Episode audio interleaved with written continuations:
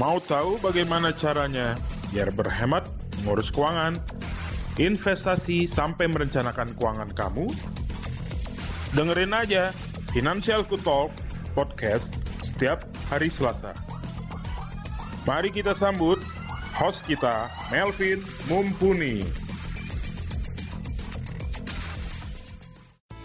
Halo Sobat Finansialku, jumpa lagi bersama saya Melvin Mumpuni CFP, perencana keuangan dan juga founder dari Finansialku.com. Apa kabarnya nih di hari Selasa pertama di tahun 2022? Udah lama nih ya nggak ketemu, nggak dengerin aku ngobrol-ngobrol lagi di podcast Ya sorry guys, beberapa waktu lalu memang lagi buahnya banget yang harus dikerjakan, harus disiapkan. Salah satunya yaitu aplikasi finansialku yang terbaru. Jadi teman-teman, thank you ya atas supportnya. Tahun kemarin tuh kita berhasil melaunching salah satu fitur yang di request teman-teman di aplikasi finansialku yaitu pencatatan keuangan secara otomatis. Jadi teman-teman yang sudah pakai aplikasi finansialku khususnya yang premium features, thank you itu sekarang kamu sudah bisa mencatat keuangan secara otomatis. Kenapa?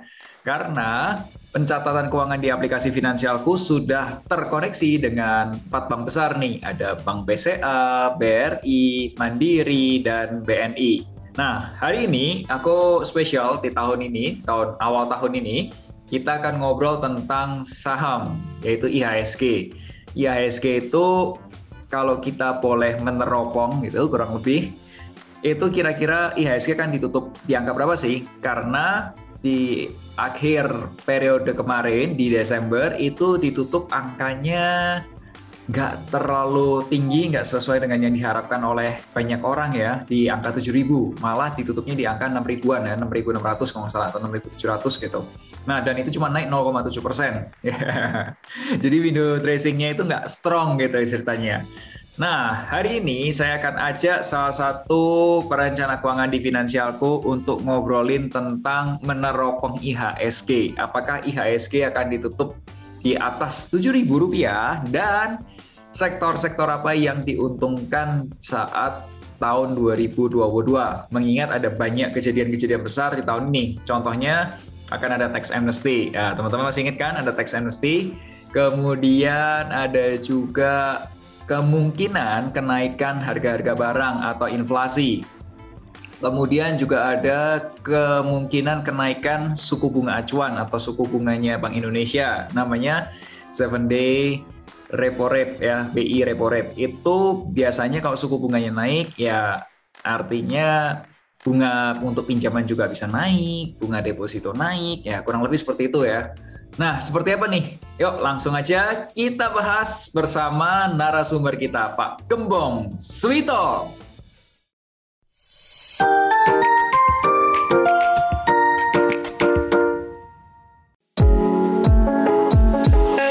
Halo Pak Gembong, apa kabar? Halo, kabar baik Mas Melvin. Ini kita hari ini kan ngobrol-ngobrol meneropong IHSG nih Pak di tahun 2022 nih Pak. Nah, kemarin tuh waktu window dressing IHSG itu kayaknya sih ya naik sih, tapi naiknya tuh kayak 0,7 persen gitu dan apa kalau kalau boleh dikatakan miss ekspektasi banyak investor di Indonesia gitu. Nah kalau menurut ya. Pak ya dari kacamata Pak Kembong, kenapa sih kok IHSG itu ditutupnya kayak 0,7 persen kalau nggak salah ya, bener ya Pak ya? 0,7 ya? Ya. Betul. Angkanya kok ya. kecil banget gitu, kok kayak tanggung banget gitu.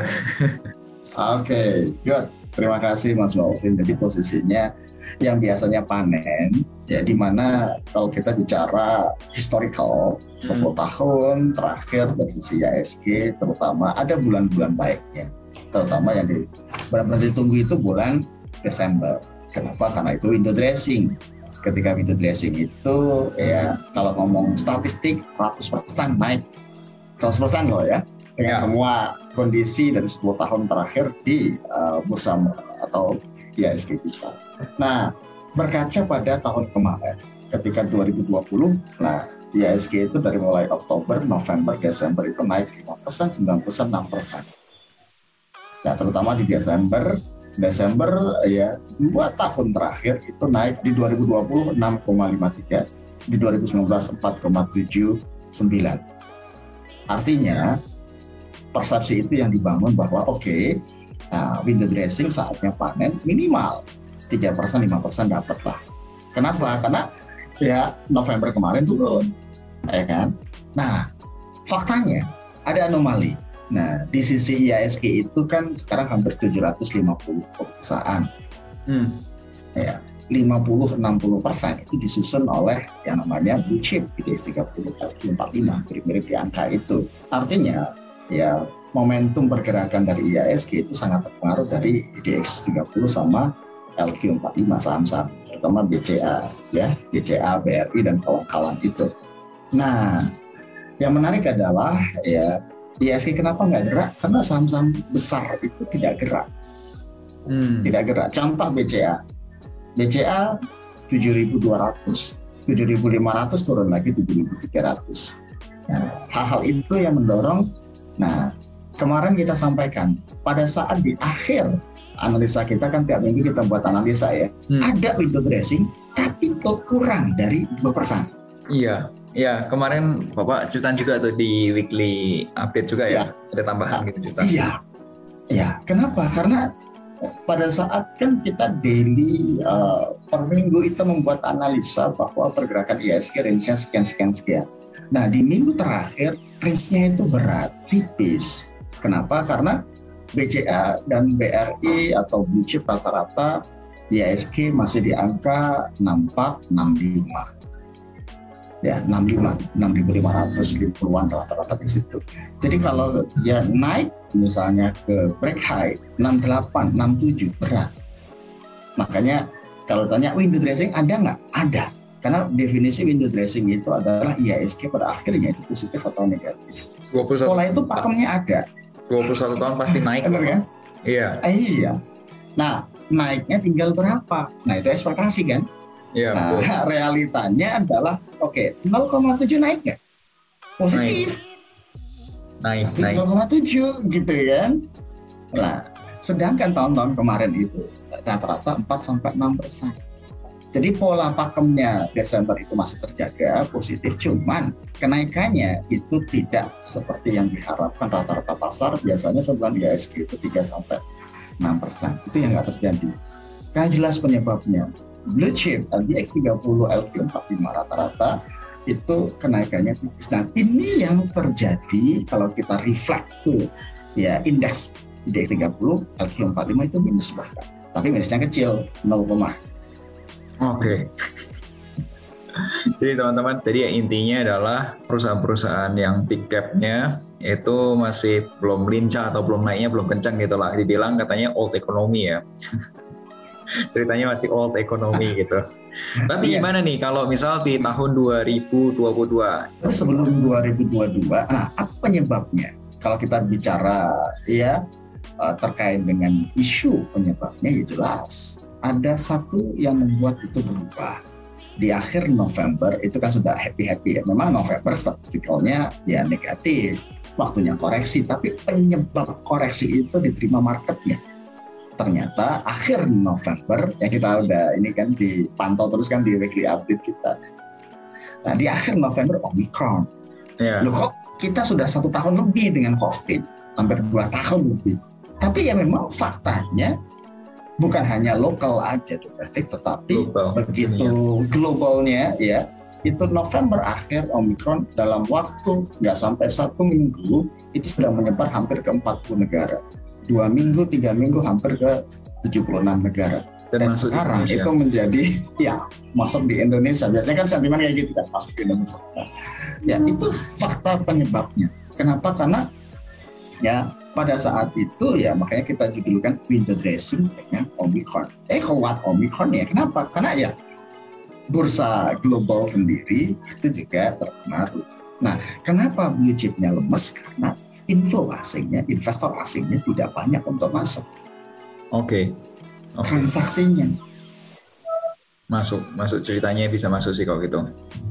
Ya. Oke. Okay. Jadi jadi salah satunya kenapa tadi uh, pickupnya nggak nggak lari kenceng ya karena case-nya karena ada pengaruh sentimen Omicron sehingga inflow itu atau atau investor asing itu uh, uangnya masih ditahan dulu gitu ya.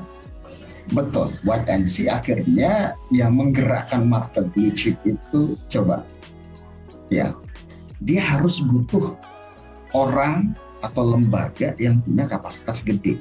Ya. Big Yeah. fund. Big fundnya untuk asingnya tipis, tinggal lokal. Biasanya lokal itu udah belanja semua. Nah, Ya. tapi yang menariknya ini ada transisi pemilihan. Kalau yang saham-saham old economy itu ya kecenderungannya tipis untuk inflow asingnya, sentimen. Padahal bagus, bagus. Nah, tapi mereka atau sekarang ada tren lebih suka new economy. Dan itu dibuktikan dengan ya walaupun valuasinya nggak wajar, tapi karena volumenya kuat, daya beli mereka pengen masuk itu gede, akhirnya harganya naik price. Hmm. Jadi valuasi sama price ini berbeda gitu kan. Nah, tematik tahun ini orang lebih suka ke sektor-sektor yang bisa dikatakan new economic atau perspektifnya itu lebih kuat.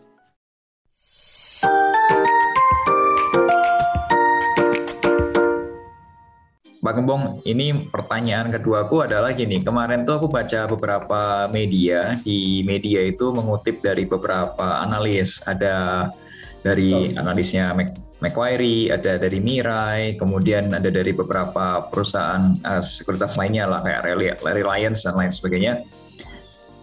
Kayaknya analis ini semua pada setuju kalau IHSG itu di tahun 2022 tuh akan tembus ke 7.000. Nah, bahkan ada beberapa yang sudah PD di angka 7.500 atau bahkan ada yang sampai mendekati ke 8.000 gitu. Nah, kalau menurut Pak Gembong ya, realistis nggak sih kalau IHSG itu tembus sampai di angka dekat-dekat 7.500 gitu? Oke, berarti kita terkait dengan dasarnya apa. Hmm. Namun kalau biasanya kapasitas selalu di awal tahun dia selalu optimis. bro. Hmm. Memandang tahun itu pasti akan optimis. Ya kan? Coba perhatikan semua dari lima tahun terakhir setiap melakukan research, nah ya, melakukan studi, ya tentunya optimis itu yang dibangun. Ya. Nah, dengan dasar apa? Sederhana. Asumsinya ketika ada kenaikan, maka dasarnya akhir tahun 6.500, 6.600 gitu kan. Nah, kalau ngomong matematik, ya dia naik 10% aja, berarti ya 7 eh, 6.600 berarti 10 persennya 600 73. poin misalnya 73, 74 itu naik 10 persen. Nah, gimana kalau naik lebih dari itu? Optimis skala itu skala eh, apa namanya moderat 10 persen, tapi biasanya rata-rata analis-analis tersebut memproyeksikan ada ceritanya bahwa ada recovery ekonomi, ada pertumbuhan ekonomi ya back to normal lagi. Nah, otomatis EPS atau earning per share rata-rata itu diasumsikan naik eh, 15 sampai bahkan 20 di atas 20 persen. Artinya, nah asumsi ya optimis itu yang dibangun. Jadi 7.300, 7.400 itu make sense. Kenapa? Karena dasar dari akhir tahun IHSG itu 6.500. 6.600. Naik 10 persen aja udah lewat di angka 7.000. Ya, 7.200, 7.300. Nah, ceritanya apa? Ceritanya ya tentunya berdasarkan ya terkait dengan ekonomi reason-reasonnya, sentimen-sentimen positif ekonomi. Ya, masuk nggak? Masuk. Pertama, ya Januari ini akan dimulai yang namanya sentimen besar kita adalah tax amnesty jilid 2. Artinya apa? Kita tahu sendiri ketika tax amnesty itu adalah tujuannya menarik bagaimana uang di luar negeri itu bisa masuk atau dalam negeri itu bisa masuk. Nah, sektor yang sangat diuntungkan salah satunya juga bisa efek dengan semua kemudahan. Hmm. Dengan privilege misalnya, oke okay, dia invest ya di uh, saham ataupun di obligasi, taxnya lebih. Nah itu dari sisi awal. Terus yang kedua, tanda-tanda recovery ekonomi itu jalan ada, yaitu Contoh? dari sisi pertumbuhan ekonomi, pertumbuhan ekonomi GDP. Hmm. Ya, ketika kita lihat fasenya GDP di 2021, ya kuartal kedua, ya itu udah 7 persen. Hmm. Makanya lewat dari sisi resesi Hmm. setelah pasca COVID ya 2020. Ya, semester 3 karena ada PPKM dan lainnya itu kemarin, tapi ekonomi tetap tumbuh di atas 3,5. Jadi rata-rata, nah ini pace-nya ini menuju ke arah pertumbuhan ekonomi yang positif. Nah, asumsi tahun depan ya ketika sekarang ya ekonomi itu mulai recover, harga terutama harga komoditi. Karena Indonesia itu kan harga komoditi base. Ketika harga komoditi naik, nah otomatis ya terutama di ekonomi di luar Jawa itu kan terapresiasi. Jadi pendekatan itu yang membuat orang itu optimis. Dengan satu faktor ya tadi ekonomi bisa recovery, pertumbuhan ekonominya didorong oleh ya uh, daya beli konsumsi masyarakat dan lainnya itu bisa naik ya itu menyebabkan secara fundamental ya 7.300 7.400 itu sangat mungkin. Okay. Tapi kalau kita lihat timelinenya setahun 2020 maka itu akan terlihat di empat bulan di awal setinggi okay. apa naiknya. Okay. Karena semester kedua ceritanya berbeda. Okay. Inflasi, ya, the Fed tapering, karena itu udah pasti akan naikin suku bunga mereka di semester kedua. Ya, ya. Nah, jadi ya tinggal kita lihat uh, 2022, ya apakah mungkin ke 7.200, 7.300 secara fundamental masuk ya secara sentimen ya itu memang masuk semua asal satu yang terkendali faktornya satu ya case-nya covid ya. itu bisa terkendali cuma itu faktornya kan karena kalau enggak itu akan merubah senarinya semuanya kenapa ya. karena ya lockdown ppkm otomatis ya ekonomi ekonomi tertentu akan uh, kontraksi jadi di situ kuncinya kalau secara ya. teknikal ini ya periodikalnya ya masih ya masih arah market naik itu di empat bulan terakhir. Memang ada potensi untuk uh, apa head and shoulder ya, cuman hmm. kalau selama dia nggak tembus di 64 ya 64 64 50 ya itu masih terjaga pola untuk kenaikan itu. Oke, okay, neckline-nya di 6400 ya. Iya. Oke, okay. kalau dari segi fundamentalsnya uh, teman-teman sobat finansialku ini Indonesia itu sekarang IHSG itu secara Buffet Indicators itu adalah indikator yang dipakai untuk mengetahui apakah sebuah indeks sebuah negara indeks kayak misalnya IHSG gitu indeks harga saham gabungan itu itu kemahalan atau enggak nah ternyata Pak Kembong dan teman-teman IHSG itu enggak masih dibilang masih wajar aja gitu, fairly under value gitu. Jadi masih ya masih di bawah fair value dikit gitu. Jadi sebenarnya Indonesia itu adalah tempat yang oke okay untuk investor-investor asing untuk berinvestasi. Dan Indonesia memang selalu selalu dihargain di bawah value-nya itu. Di banyak artinya banyak perusahaan-perusahaan yang masih ya masih di bawah harga wajarnya. Jadi banyak yang slightly under value gitulah ceritanya gitu.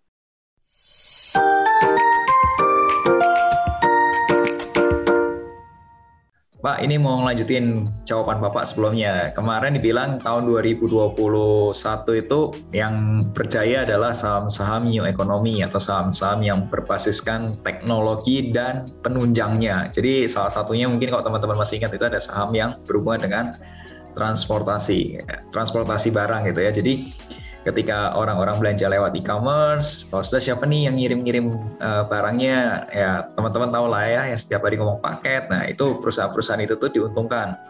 Nah, apakah saham-saham new economy ini tetap akan melesat seperti tahun 2021 atau mungkin bahkan eh, perusahaan-perusahaan tambahan. Jadi kayak misal pendukung pendukung dari new economy ini malah lebih kenceng lagi gitu. Misal media karena perusahaan-perusahaan new economy ini mau uh, pasang iklan di media dan lain sebagainya. Kalau menurut Bapak gimana nih Pak? Oke, okay.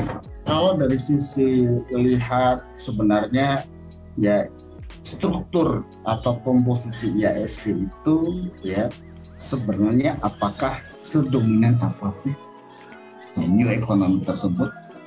Nah, ternyata ya tidak dominan ya tidak dominan strukturnya masih old economy contoh kan misalnya sisi keuangan keuangan itu porsi dari IHSG sendiri adalah 39 persen ya hmm. sektor non cycle non uh, consumer primer hmm. ya Unilever, Indofood, Gudang Garam dan lain-lainnya itu masih dominan. Nah itu yang menyebabkan, nah ini ada anomali IHSG ya dan IBX 30 atau LQ45 Hmm. Ketika ya sekarang satu tahun 2021 ini kan tertutup, ISG di 10 persen, ternyata IBX 30, LQ 45 itu kurang dari itu, hmm. 1 sampai 2 persen. Berarti kan ada yang jomplang. Ya. Nah, ini berarti ada ya sektor-sektor yang itu naiknya sangat kencang. Kalau kita bicara kinerja ya sektor ada 11 sektor tersebut ya sektor baru new economy di sini, contoh sektor teknologi itu kenaikan setahun berapa persen? 350 persen. Ya. Kemarin kenceng banget sektor teknologi karena ada Arto. jomplang gitu kan. Sebenarnya Arto itu tidak masuk di sektor uh, teknologi. Oh. Nah, sektor teknologi kuatnya tiga sektor, tiga saham di sektor teknologi itu kayak Apa itu? ya DCI, MTEK, sama Buka tiga itu bukannya buka itu lagi jeblok ya Pak ya? Lagi jeblok. Betul. Tapi sekitar 60% persen dari harga tertingginya. Ngomong market, bicara market size itu dia juga gede gitu kan. Tapi yang kuatnya kita lihat DC itu dari ya bahkan ribuan persen kayaknya dia. Dari harga beberapa ribu menjadi sekarang sempat menjadi high ya. Harga tertinggi 59, 59 ribu. Jadi uh, karena uh, untuk yang yang serba digital. Kalau misalnya sektor-sektor yang ada new economy-nya, contoh bank, disrupt, bank digital, itu naiknya bank gila. Ya. Arto valuasinya nggak wajar kalau ngomong pendekatan valuasi biasa per PPV, tapi orang suka, orang bicara perspektif, ya kan? Maka pendekatannya berbeda, bukan eh, new apa old concept kayak dengan valuasi, tetapi iya tadi. Padahal secara pembukuan ya dan lainnya itu nggak wajar kenaikan itu. Tapi market terima. Nah ya. di sini ada menarik gitu. Kenapa? Karena e, melihat cerita di masa depan, prospek di masa depan. Contoh aja bank digital. Bank digital kan kenaikannya luar biasa ya. Walaupun secara model bisnisnya profit nggak, jarang ya profit, kecil bisnis. Tapi ketika bicara digital orang suka, retail kita suka, akhirnya naik secara signifikan. Nah, kira-kira. Nah, new economic ini apakah ya masih uh, dominan? Ya. Uh, kalau bicara terkait dengan fenomenanya, maka itu masih akan cukup menarik, tapi selektif, selektif saham-sahamnya. Tapi kalau kita bicara kenaikan, hati-hati, upside-nya sudah terlalu tinggi, terbatas. Ibarat kita, jadi kalaupun kita masuk di new economic, otomatis ya ini yang yang saham-saham yang ada, saham-saham yang ada terbatas, ya hati-hati, ya pasang ya money management tetap. Kenapa? Karena ketika turun ke harga wajarnya, ya itu kita cukup uh, efek.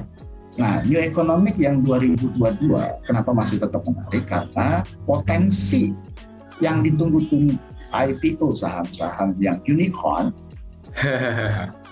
itu di semester pertama. Semoga ya, semoga Koto beneran ya. beneran IPO ya. Contoh efeknya tadi, DCI, MTEK, terus buka, valuasinya sudah di atas 50 triliun. DCI misalnya itu sudah mendekati di angka 100. MTEK 139 triliun valuasi ya market cap market cap. Nah, yang ditunggu-tunggu itu dari uh, media dan ya investor itu terkait dengan ya tadi GoTo, Blibli, si cepat, tiket, ini kan unicorn-unicorn semua. Nah kalau contoh saja satu kecil GoTo itu, karena ceritanya selalu ini sama berulang-ulang. Cuman nanti ya kita ada headline. Nah, kalau GoTo valuasinya let's say di angka 25 sampai 30 miliar US dollar. Berarti dia akan sekarang teknologi itu sektornya nggak sampai kita coba bisa lihat ya sektor teknologi itu nggak sampai lima persen hmm. uh, ininya penyusunnya hmm. ya teknologi itu 4,6 persen begitu itu masuk GoTo, Blibli dan lain-lainnya unicorn itu masuk maka potensi ya dari weightingnya atau bobotnya itu bisa di atas 15 sampai 20 persen. Top 10 Pasti top 10 nya berubah kan? Ya, top 10 eh. top 10 pick caps-nya akan berubah gitu, capnya kita. Ya. Karena itu masuk satu. ya volatility-nya akan menjadi satu menarik tapi 2021 mengajarkan kalau IPO-nya jumbo ya di situ ada dua ya pertama adalah ya uh, buka yang fenomenal buka kan itu di 21 triliun terus ya yang kedua M, uh, MTEL MTEL itu 18 triliun ternyata untuk menggerakkan ya market cap yang di atas 15 triliun itu gak gampang, gak mudah. Ya, bukan hal mudah. Bukan hal mudah. Justru hati-hati bahkan itu membuat ya ada kemungkinan ya untuk IPO saham tersebut ya, ya biasanya justru membuat akan turun karena exit investor exitnya ada gitu, Jadi hati-hati. Tapi menarik, menarik. Nah, kira-kira itu. Jadi kalau yang saham-saham new economic yang ada sekarang itu hati-hati terbatas. Bagaimana dengan Arto? Arto ini kan cukup fenomenal ya, sempat turun di angka uh, ribu. Setelah itu akhir-akhir ini justru banyak diakumulasi oleh investor asing. Nah itu menarik kan? Kenapa nggak investor yang banking yang sifatnya tadi new economy, uh, apa all economic, BCA, BRI, ya, Mandiri, karena ya ketika bicara valuasi dia pengen melihat bahwa mereka masuk di saham-saham tersebut karena melihat future. Ya karena kenaikan jumlah misalnya pengguna usernya terus ya potensinya efisiensinya ya, itu yang dilihat dan itu yang dibeli. Ketika dibeli banyak yang beli otomatis harganya naik. Nah kemarin ya Arto dalam sehari bisa naik 8% 7% hmm. Di Desember. Sedangkan BCA saya tunggu-tunggu nggak naik-naik bro, 0, minus gitu kan minus. Nah, itu. Itu fenomena. Jadi kesimpulannya adalah new economic sentimentnya tetap masih dominan, tapi untuk saham-saham yang sifatnya akan menjadi cerita kayak gitu. Tapi kalau yang existing hati-hati fenomenanya itu upside-nya itu teratas. Kira-kira seperti itu. Ya, Ya, kalau kalau bank digital mungkin kita akan bahas khusus ya Pak ya, karena bank digital itu ya. aku melihat ada pola pola berulang teman-teman. Dan ini karena aku ada di dalam industri yang berhubungan dalam perusahaan teknologi, aku melihat pola tersebut gitu. Polanya berulang gitu. Oh ternyata kalau ini, ini, kemudian ini. Kalau ini, ini, kemudian ini itu tuh bentuknya ada pak. Nanti mungkin kita akan diskusi di tempat yang uh, di di tempat yang berbeda ya. Jadi teman-teman okay. stay tune di podcastnya, subscribe di tempatnya Spotify karena kita akan bahas bank digital. Maybe kita akan carilah waktunya untuk bahas bank digital karena pola-polanya udah mulai kelihatan nih. Uh, as always, price itu itu bergerak lebih cepat daripada value aslinya. As always, mau itu price-nya ternyata sahamnya dihargain kemurahan atau harganya di apa di dihargain ke terlalu tinggi dari valuasinya itu selalu akan ada. Yes, jadi nggak nggak ada masalah, nggak ada masalah. Kalau teknologi mungkin agak berbeda sih cara lihatnya ya, ceritanya berbeda gitu.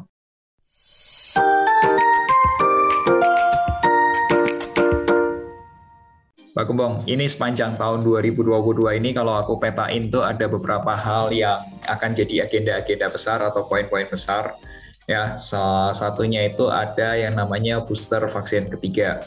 Itu direncanakan katanya mulai dari awal tahun itu akan dijalankan gitu ya untuk ya, untuk betul. untuk vaksin booster yang ketiga dan itu berbayar. Jadi apakah itu nanti akan mengefek ke perusahaan-perusahaan berhubungan dengan kesehatan? Nah ini, ini pertanyaan juga. Kalau sudah di tahun pertama, awal tahun itu akan ada tax amnesty atau pengampunan pajak. Nah, ketika pengampunan pajak berdasarkan data-data di tax amnesty sebelumnya, itu tuh IHSG itu tertampak positif ketika terjadi tax amnesty. Kenapa? Karena ada orang-orang kaya yang tadinya uangnya ada di luar negeri itu masuk ke Indonesia. Dan itu untuk mendapatkan diskon tertentu untuk tax amnesty itu harus diinvestasikan di bursa bursa kita. Baik itu di produknya surat utang negara Indonesia atau di produk saham ataupun juga di tempatnya mungkin di reksadana gitu ya. Itu juga bisa. Nah apakah itu juga akan ngefek tax amnesty? Terus kemudian ada juga isu kemungkinan kenaikan komoditas, khususnya di minyak. Minyak sama batu bara itu masih kemungkinan akan meningkat, kemungkinan. gold juga akan kemungkinan masih meningkat. Bahkan ada beberapa uh, analis dunia itu yang mengatakan gold akan uh, naik lagi ke angka 2000. Is it true or not? Nggak tahu. 2000 itu per 31 gram ya, per satu, satu troy ounce. Kemudian terakhir katanya ada cerita ada kemungkinan besar the Fed akan menaikkan suku bunga. Nah, itu kemarin ditunjukkan dari last meeting itu the Fed itu akan meningkatkan dari 0,25 naik ke 0,5 naik ke 0,75 dan biasanya ketika the Fed naikin itu Bank Indonesia juga akan ngikutin kenaikan suku bunga acuan atau BI 7 day repo rate. BI 7 eh, BI 7 7 DRR gitu ya yang efeknya akan diikutin oleh kenaikan suku bunga utang di tempatnya bank. Jadi kalau kamu ngutang ke bank, teman-teman, itu bunganya bisa naik, KPR bisa naik, kredit investasi bisa naik, kredit modal kerja bisa naik, kredit mobil bisa naik, KTA bisa naik, dan juga bunga deposito juga naik. Nah, Pak, berdasarkan data-data ini ya, ini kan beberapa prediksi nih, karena ada beberapa data yang kumpulin gitu. Nah, kalau menurut Pak Kembong ya, apakah sektor-sektor tadi yang berhubungan dengan yang aku bicarakan tuh bisa ini juga itu terdampak positif tuh? Dari kesehatan, okay. bank dan lain sebagainya. Ya, price sama value. Kalau price harga otomatis dia bergerak bukan hanya dari sisi uh, pendekatannya. Kalau value valuasi biasanya dia laporan keuangan. Tetapi kalau price itu otomatis dia akan bergerak isu apa, ya. topik ya. apa, ya. ya ibaratnya yang menjadi ceritanya cerita ya. besarnya itu apa ya itu biasanya apa. ya ketika ada cerita besar itu itu pendorong market nah ya. market akan reaksi positif atau negatif ketika ceritanya itu positif banyak positif maka market akan bereaksi positif dan itu akan terjadi optimis akhirnya orang beli ya, harga naik itu makanya nah kalau kita lihat kita petakan ya kita susun berdasarkan timeline dari 2022 maka makanya kita di awal sampaikan kuncinya empat bulan pertama ini. Kita mulai ya satu persatu. Dalam 12 bulan ke depan, maka dimulai dari satu. Ya, kalau secara pola Januari efek, makanya kita di awal sampaikan welcome Januari efek minggu ini gitu kan. Harganya naik, ini juga akan naik lagi gitu kan kita berharap di situ. Real Januari efek. Nah, kenapa di sisi Januari ada penyebabnya? Karena sentimen-sentimen yang tadi dimunculkan yang ada di market itu positif tonesnya atau nuansanya. Apa aja? Pertama adalah satu jelas ya recovery ekonomi ya itu isu besarnya. Terus vaksin. Nah di sisi vaksin udah ada vaksin boosternya dan udah ada obatnya. Hmm. kalau di Amerika ya obatnya. Cuman memang faktanya memang ada tren kenaikan yang cukup besar dari sisi Omicron ini. Tapi itu tonnya sudah mulai kecil, ya, mulai kecil ya karena posisinya terkendali.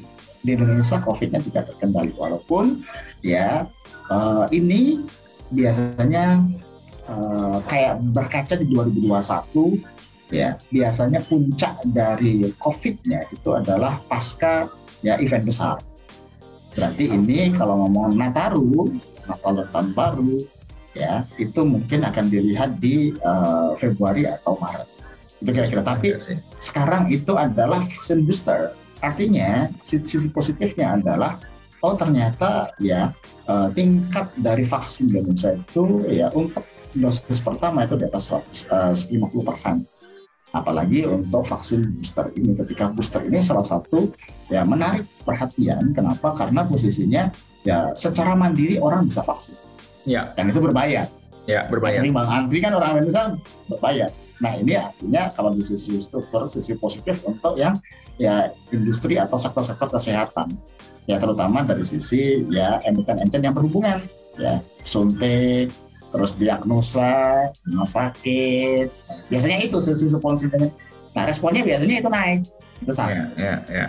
Vaksin booster ya dan obat otomatis ya kuncinya di situ di awal tahun dan ternyata awal tahun juga ada tes amnesti dimulai. Tes amnesti ya itu jadi dua di mana uh, berdasarkan pengalaman tes amnesti kemarin ya itu ada sentimen positif. Kenapa ada inflow ya orang harus beli terutama pengen privilege tax-nya ya otomatis di salah satunya di produk-produk di pasar modal. Jadi Januari, Februari, Maret, April uh, itu menjadi menarik. Gitu. Kuncinya di situ. Tembus di tujuh ribu enggak? Itu titik krusialnya. Kenapa? Karena ya kemarin sempat menembus ISG break high setelah tiga tahun. Setelah itu turun lagi 65. Ya, break high-nya di 68 misalnya 68 50-an. Atau let's say di empat bulan terakhir ke depan apakah tembus 7000 kalau aku ya. Nah, kalau itu semakin cepat tembusnya, maka ya semakin asumsi ke arah 7.300, 7.400 itu make sense. Hmm. Nah, baru nanti ketika Mei, ya Mei, Juni, Juli, Agustus, September itu periode ya secara sentimen positifnya itu agak turun. Plus ya ada cerita besarnya yaitu the Fed kalau kemungkinan besar the Fed karena faktor utamanya dia harus naikin suku bunga. Amerika itu tekanan inflasinya relatif tinggi. Nah, rata-rata di atas 5 persen. 5-6 persen. Dulu dia bicara persepsinya itu, oke okay, itu mungkin sementara inflasinya. Ternyata dominan, mau nggak mau kan. Kenapa? Karena ya itu tadi ada siklus super cycle komoditi, ekonominya sudah mulai recover, ya komoditi itu dia naik, makanya eh, kemarin harga-harga komoditi dan energi kan naik semua. Ya. Tapi nanti semester kedua hati-hati.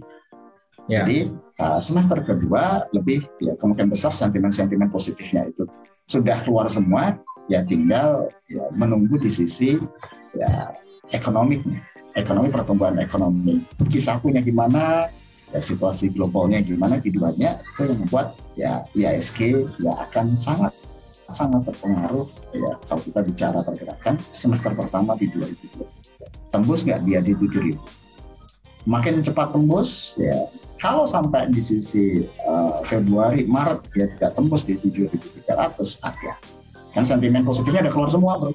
Ya ya ya. Ya.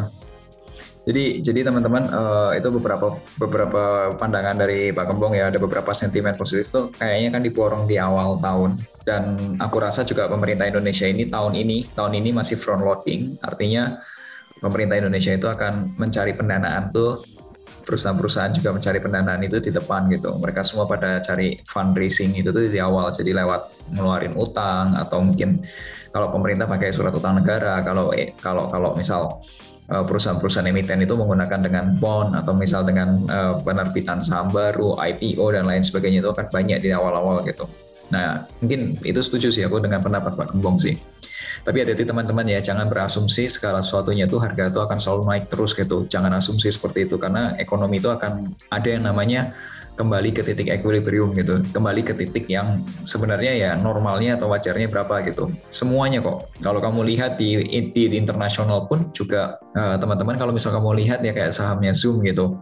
Sebelum COVID di harga seratusan dolar, saat COVID naik ke sekitar 300-an sampai 500 dolar nggak salah ya, 300 dolar nggak salah. Udah turun lagi ke seratusan dolar lagi pak. Jadi end ya juga akan ke equilibriumnya dia gitu.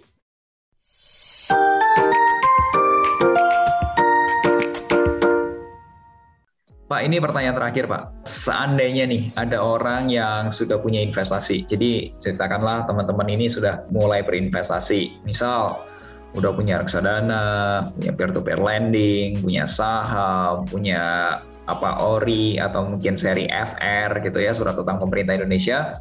Nah, tapi orang ini saking banyaknya produk yang dia punya, bingung. Nggak punya ceritanya nih, portfolionya itu ceritanya mau ngapain itu, bingung ini. Ini tuh uh, udah bener belum ya caranya strategi ini?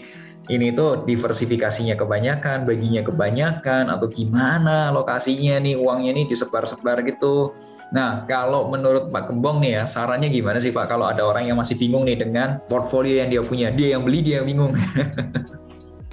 Oke, okay.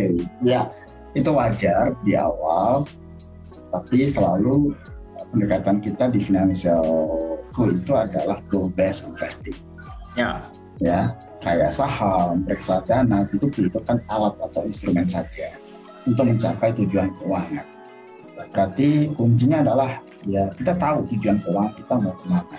Contoh, ya saya mau menikah tahun depan, berarti kan frame-nya jangka pendek.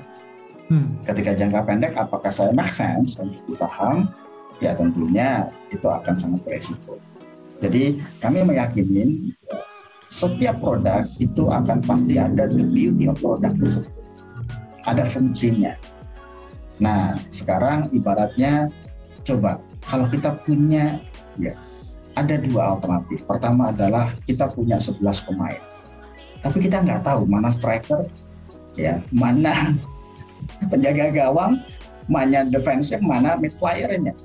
Kira-kira pusing nggak sebagai coachnya? Pusing. pusing karena kita nggak tahu tujuannya. Kita goal, goalnya apa? Pertumbuhan aset misalnya. Asetnya berapa? Terus yang kedua adalah ya berapa potensi resikonya kerja sebagai teamwork. Kalau aku mengasumsikan kayak gitu ceritanya. Nah, jadi tergantung orangnya. Kalau dia sudah tahu tujuan keuangan, dia sudah tahu ya masing-masing produk itu fungsinya apa, keindahannya apa, itu menjadi suatu tim work yang luar biasa. Ini kayak misalnya contoh kayak ya satu klub sepak bola yang indah sekali kerama.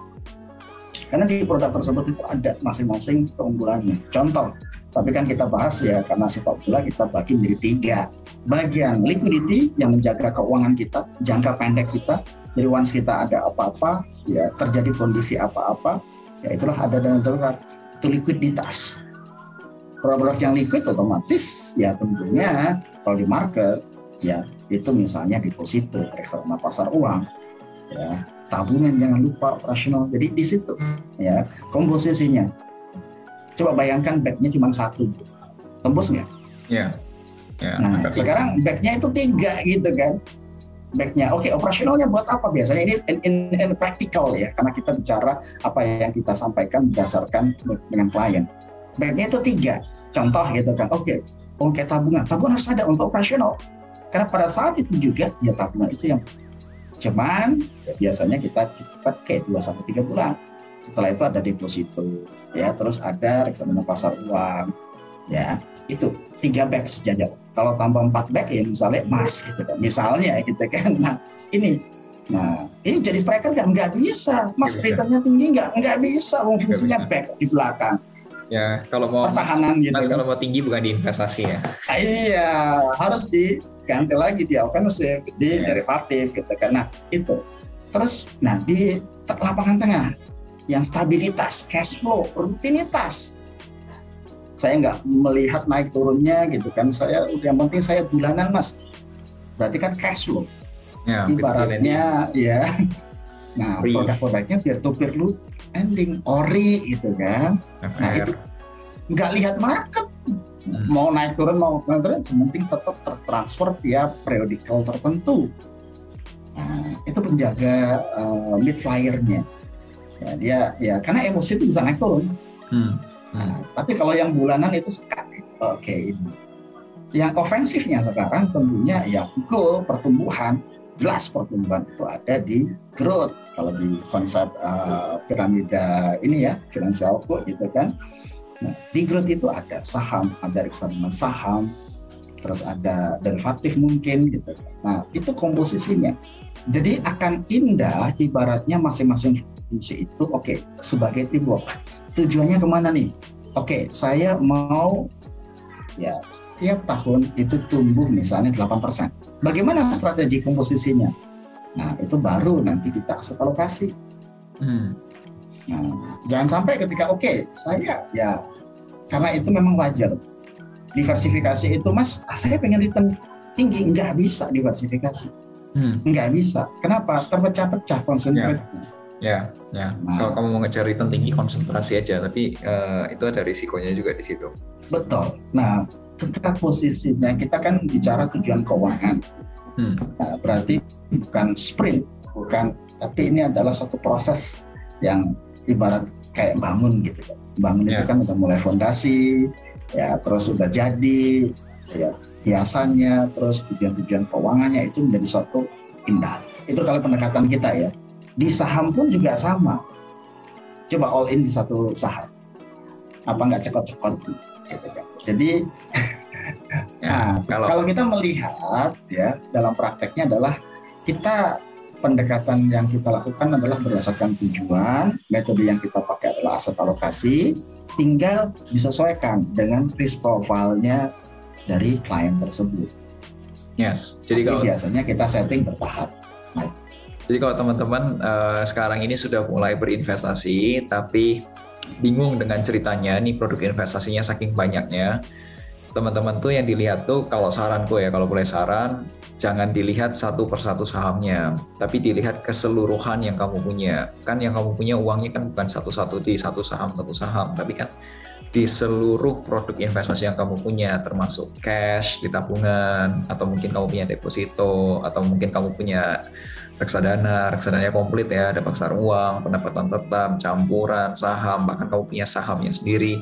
Nah, yang dilakukan kalau di finansialku itu adalah kita akan coba lakukan namanya pertama financial check up dulu supaya tahu kondisi keuangan kamu secara globalnya dulu.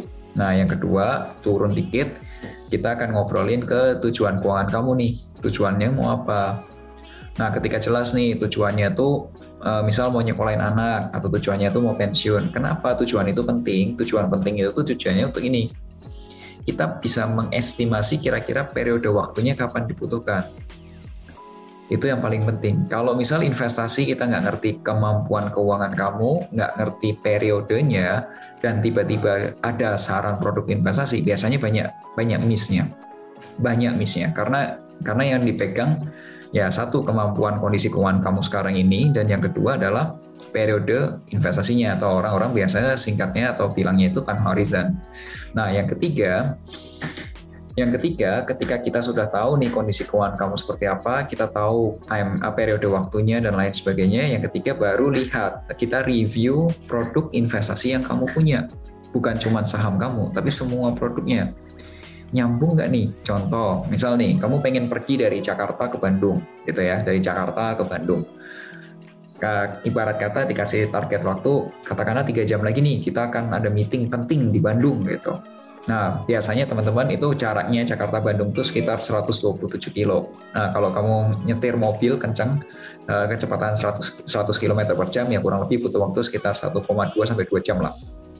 Nah, tapi kalau kamu milihnya naik motor, yang muter dulu nggak lewat tol itu nyampe-nyampe bisa 4 jam lebih. Nah itu nggak nyambung, kendaraannya nggak nyambung dengan tujuan kamu. Nah makanya itu bilang time horizon itu penting. Ketika kita tahu time horizon, kita tahu kondisi keuangan kamu sekarang ini, kita bisa menentukan produk investasi apa yang kira-kira bisa dan dijalankan oleh 80% orang. Jadi Pak Gembong dan teman-teman itu ada beberapa ahli-ahli yang mengatakan kalau kalian kalau concentrated investment atau investasinya itu cuma satu dua biji atau satu dua perusahaan aja atau maksimal empat perusahaan aja itu artinya kamu benar-benar tahu perusahaannya gitu yes yes jawabannya benar dan orang-orang yang melakukan diversifikasi dia belum tentu tahu apa yang dia lakukan yes tapi gini teman-teman satu hal yang saya mau kasih tahu adalah gini untuk kamu mengkonsentrate dan kamu lihat ya orang-orang yang memberikan saran untuk mengkonsentrate investmentnya mereka menghabiskan 80% atau 90% waktunya untuk meriset perusahaan tersebut. Itu usaha yang mereka sudah lakukan. Nah, pertanyaannya adalah apakah kamu mau menghabiskan 90% waktumu untuk mempelajari perusahaan-perusahaan tersebut? Kalau kamu nggak ngabisin waktu segitu banyak, saranku bukan di concentrated. Kalau kamu alirannya Warren Buffett, kamu pengen Warren Buffett, kamu pengen seperti yang apa namanya mungkin Pak Lokeng Hong gitu. Beliau-beliau memang sakti, memang jago, tapi mereka menghabiskan waktu lebih dari 80%, 90% itu untuk mempelajari perusahaan, baca baca laporan keuangan, baca koran, kalau sudah mungkin juga punya akses untuk ngobrol sama manajemen dan lain sebagainya. Nah, kalau kamu pengen hasil yang sama, kamu mau nggak melakukan effort yang sama seperti mereka. Kalau enggak, jangan expect harganya atau hasilnya sama dong. Gitu ya Pak? yes, karena yeah. semua kalau kita bicara proses, ibarat kayak belajar, nggak mudah menemukan jalan kita masing-masing. Hmm. Tiap orang punya karakter, dia yes. punya cerita, Nah oleh karena itu ya untuk di awal karena mayoritas ini adalah ya kita untuk orang awam bagaimana kita bisa membantu tujuan keuangannya dengan investasi maka di situ ada ya produk-produk yang bisa membantu sesuai tujuan keuangan. Yes. tadi yes. ya udah ada bagian-bagiannya ada backnya ada untuk ya strikernya tapi kalau pengen gol yang gede return yang besar cepat gitu kan otomatis effortnya harus ekstra ya ya ya ya exercise you do have to uh, more exercise for that dan teman-teman, kamu kalau misal mau ngobrol sama Pak Kembong, Pak Kembong itu ada di aplikasi Finansialku. Kamu bisa klik di menu konsultasi keuangan. Eh, silahkan coba aplikasi Finansialku yang baru. Yang baru itu sudah ada beberapa fitur baru yang yang launch itu salah satunya satu keuangan dan kamu juga bisa ngobrol sama Pak Kembong di menu konsultasi keuangan arahin aja ke fotonya Pak Kembong di situ ada bisa langsung chat ya yes, siapa tahu di awal tahun ini kamu bisa ngobrol-ngobrol tanya-tanya dulu sama Pak Kembong cerita tentang ini investasinya seperti apa atau mungkin goals atau time horizon so ngobrol aja karena paling tidak kamu tahu gambaran besarnya. Nah, setelahnya kamu mau melakukan apa, itu bisa bisa kamu lanjutnya lah, langkah berikutnya gitu. Tapi yang pertama kamu tahu gambaran besarnya itu kondisi kondisi portofolio investasimu tuh udah oke okay atau belum. Oke, okay, gitu. Thank you Pak Kembong atas waktunya dan sharingnya di podcast kali ini. Semoga Sobat Finansialku ini bisa kegambar periode 2022 ini IHSG seperti apa. Dan kedua tadi action plan-nya apa yang bisa teman-teman lakukan seandainya sudah punya investasi. Pengen ngobrol-ngobrol lebih dalam, bisa langsung ke Pak Kembong aja. Oke, okay, thank you teman-teman. Terima kasih. Sampai jumpa di podcast FinTalk Finansialku Talk Podcast hari Selasa minggu depan. Akhir kata, make a plan and get your financial dreams come true. Come true.